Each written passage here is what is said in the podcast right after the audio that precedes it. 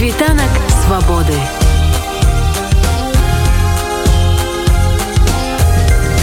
Світ вольнасці. Тэатральны фестываль парапрэм'ер у польскім бадыгошчы вядомы аматарам еўрапейскага тэатру і прафесіяналам. У гэтым годзе ў межах традыцыйнага фестывалю упершыню ягонай гісторыі адбыўся і фестываль драматургіі аўрора яго пераможцам стаў малады беларускі драматург мікіта і лінчык з п'есай цёмны пакой я паразмаўляла з мікітам аб ураджаннях і ягоным творы і аб тым як прафесійнае журы адзначыла яго наватарскім Фестиваль, который называется «Парапремьер», это не первый фестиваль, который организуется театром польским в Быдгоще, но, тем не менее, это первый фестиваль драматургии, который называется «Аврора», и который был включен в процесс, как бы в контекст этого фестиваля театрального. И это была первая премия драматургическая именно этого фестиваля. А этот фестиваль организовывает э, директор театра Войтек Фаруга и драматургиня польская Юлия Халевинска, которая является вторым директором этого театра. И всего на фестиваль в этом году было принято 288 пьес, из которых жюри конкурса выбрало 5 эти пять пьес были из э, стран, скажем так, э, стран Европы, не входящих в Европейский Союз. То есть это была Сербия, Украина, Грузия, Польша. Одна пьеса была из Польши и Беларусь.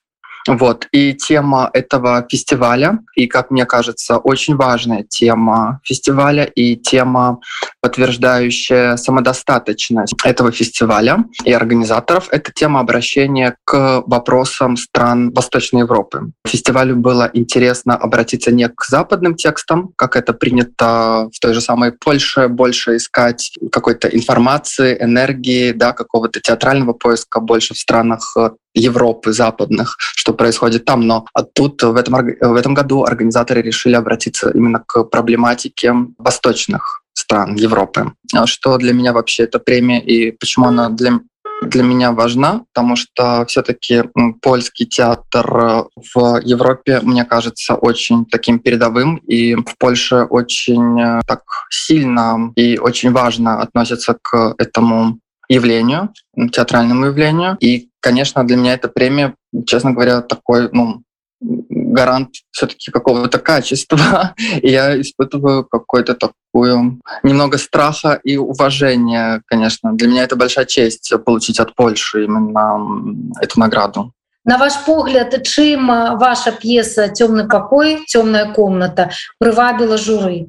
Ну, в первую очередь, мне кажется, что то я пытался, во-первых, исследовать новый формат текста. То есть я назову это как э, перфотекст, перформативный текст. Это был не драматургический текст, который мы привыкли, театральные да, деятели и литературоведы, и театроведы, мы привыкли читать пьесу э, как драматическое произведение, где написана реплика, ремарка.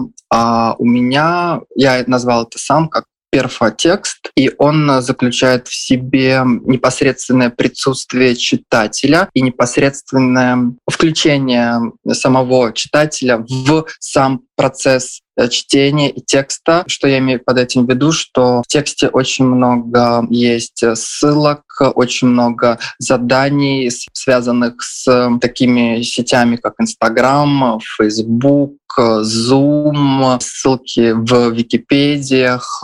И это такой коллаж ссылок, когда складывается какое-то такое определенное чувство и определенная энергия этого текста. И мне кажется, что вот эта форма — это как раз вызов ну, режиссеру, кто будет в дальнейшем работать над этим текстом, как как э, включать э, актера, как находить свой собственный ключ к такому виду текста. И мне кажется, это именно и, занти... и заинтересовало жюрі в первую очередь. Вось я і хацела запытаць, насколькі з гэтай п'есай будзе лёгка працаваць акторам і рэжысёрам вы ўжо адказалі. Але ж як мне падаецца, калі вось там ёсць такія гіперспасылкі, што ну па сутнасці являецца такім маркерам сучаснасці, то гэта адразу робіць гэтую п'есу інтэрактыўнай, то бок ну неяк так напрашваецца атрымліваецца ўзаемадзействие нейкія з гледачами угу. но дело в том что я писал это эту пьесу летом 2000 начал писать ее летом 2020 года.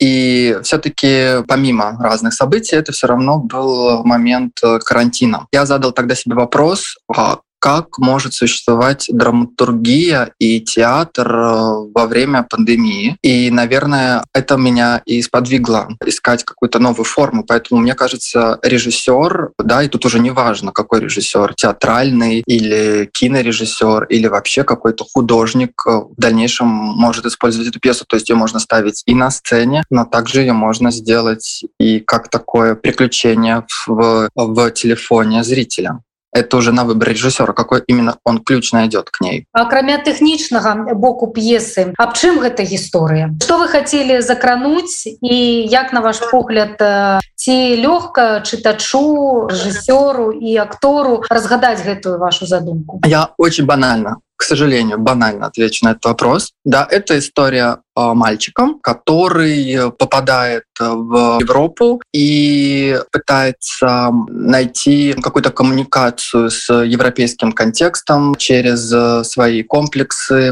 через свою какую-то закрытость, через свои какие-то психологические барьеры, он знакомится и исследует и локации, и людей, и всяческие работы, которые ему предлагаются. Ну, то есть это так, пьеса про такую инициацию, скажем так, про такое взросление. Слухайте, ну по сутнасці можна гэтую гісторыю назваць у нейкім родзе і праросткай, тому что пасля падзей лета два -го года шмат беларусаў апынуліся ў ролі вось гэтых мальчыкаў. вымушаны зараз даследаваць Европу і неяк упісвацца ў гэты кантэкст з усім вось гэтым наборам і комплексаў і страхаў і траўм Мабыць гэта быў такі творчы разлік альбо просто вось як с души полилося мне кажется что вот э, то что вы говорите честно говоря я об этом не думал но если вот такой режиссер с такой идеей как у вас захочет э, поставить эту пьесу так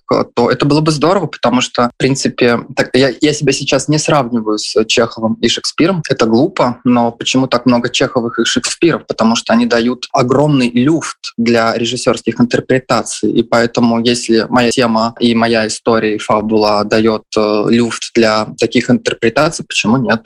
Перамога ў гэтым фестывале. Што я надае вам як профессионалу? Можа, уже есть некие прапановы, замовы?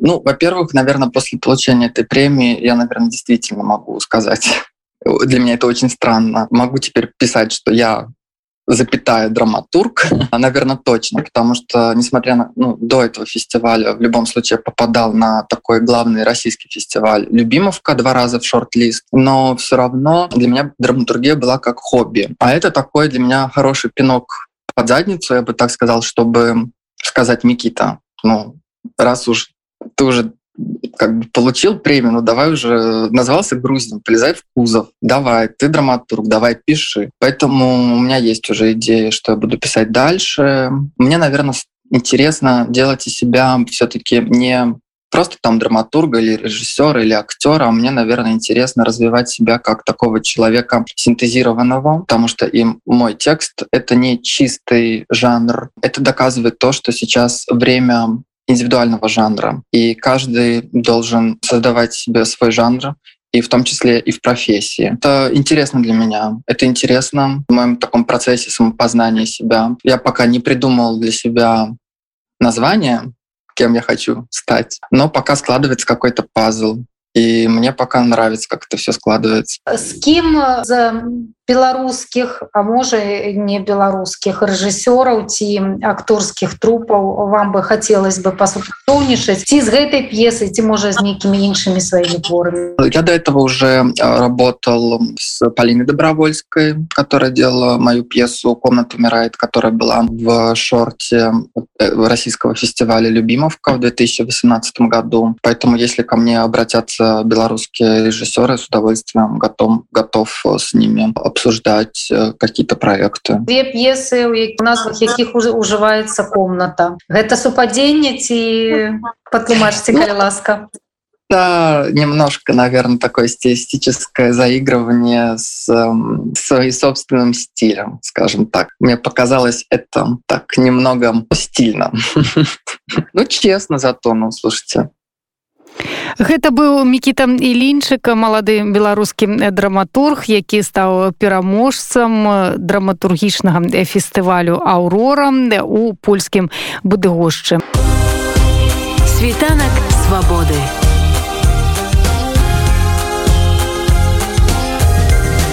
Świt wolności